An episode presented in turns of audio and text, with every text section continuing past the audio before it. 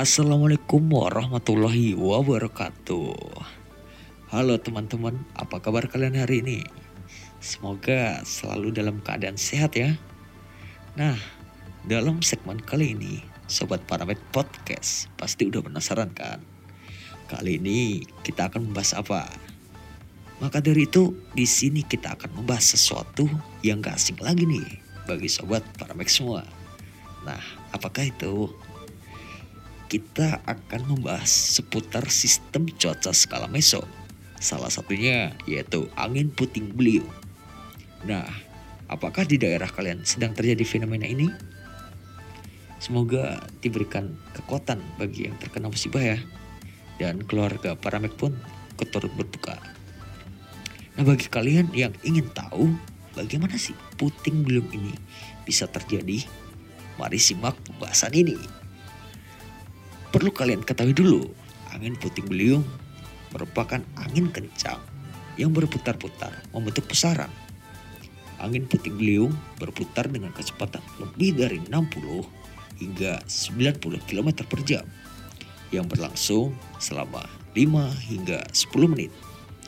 Akibat adanya perbedaan tekanan yang sangat besar dalam area skala sangat kolokal yang terjadi di bawah atau di sekitar awan cumulonimbus.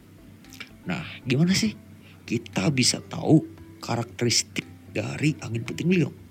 Di sini kita udah ada Hafiz yang akan menjelaskan apa aja karakteristik dari angin puting beliung ini. Angin puting beliung itu memiliki beberapa karakteristik, yaitu yang pertama, angin puting beliung merupakan dampak ikutan awan cumulonimbus atau awan CB yang biasa tumbuh selama periode musim hujan. Tetapi tidak semua pertumbuhan awan CB akan menimbulkan angin puting beliung. Yang kedua, kehadirannya belum dapat diprediksi. Kemudian yang ketiga, terjadi secara tiba-tiba sekitar 5-10 menit pada area skala sangat lokal. Kemudian yang keempat, pusaran puting beliung mirip belalai gajah atau selang vakum cleaner. Yang kelima, jika kejadiannya berlangsung lama, lintasannya membentuk jalur kerusakan. Kemudian yang terakhir, lebih sering terjadi pada siang hari dan lebih banyak di daerah dataran rendah. Lalu apa aja sih langkah yang bisa kita lakukan dalam menghadapi puting beliung? Nah, langkah yang bisa kita lakukan yaitu yang pertama, membentuk struktur rumah atau bangunan yang memenuhi syarat teknis untuk mampu bertahan terhadap gaya angin. Yang kedua, memperkuat bagian-bagian rumah yang mudah diterbangkan angin seperti atap rumah. Yang ketiga, untuk para nelayan supaya menambatkan atau mengikat kuat-kuat kapal-kapalnya.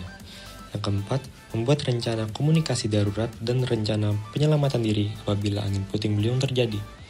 Yang terakhir, memperhatikan berita mengenai perubahan cuaca dan kemungkinan pergerakan angin puting beliung. Teman-teman, seperti itulah langkah yang bisa kita lakukan dan antisipasi dalam menghadapi puting beliung. Terima kasih karena telah mendengarkan Paramat Podcast.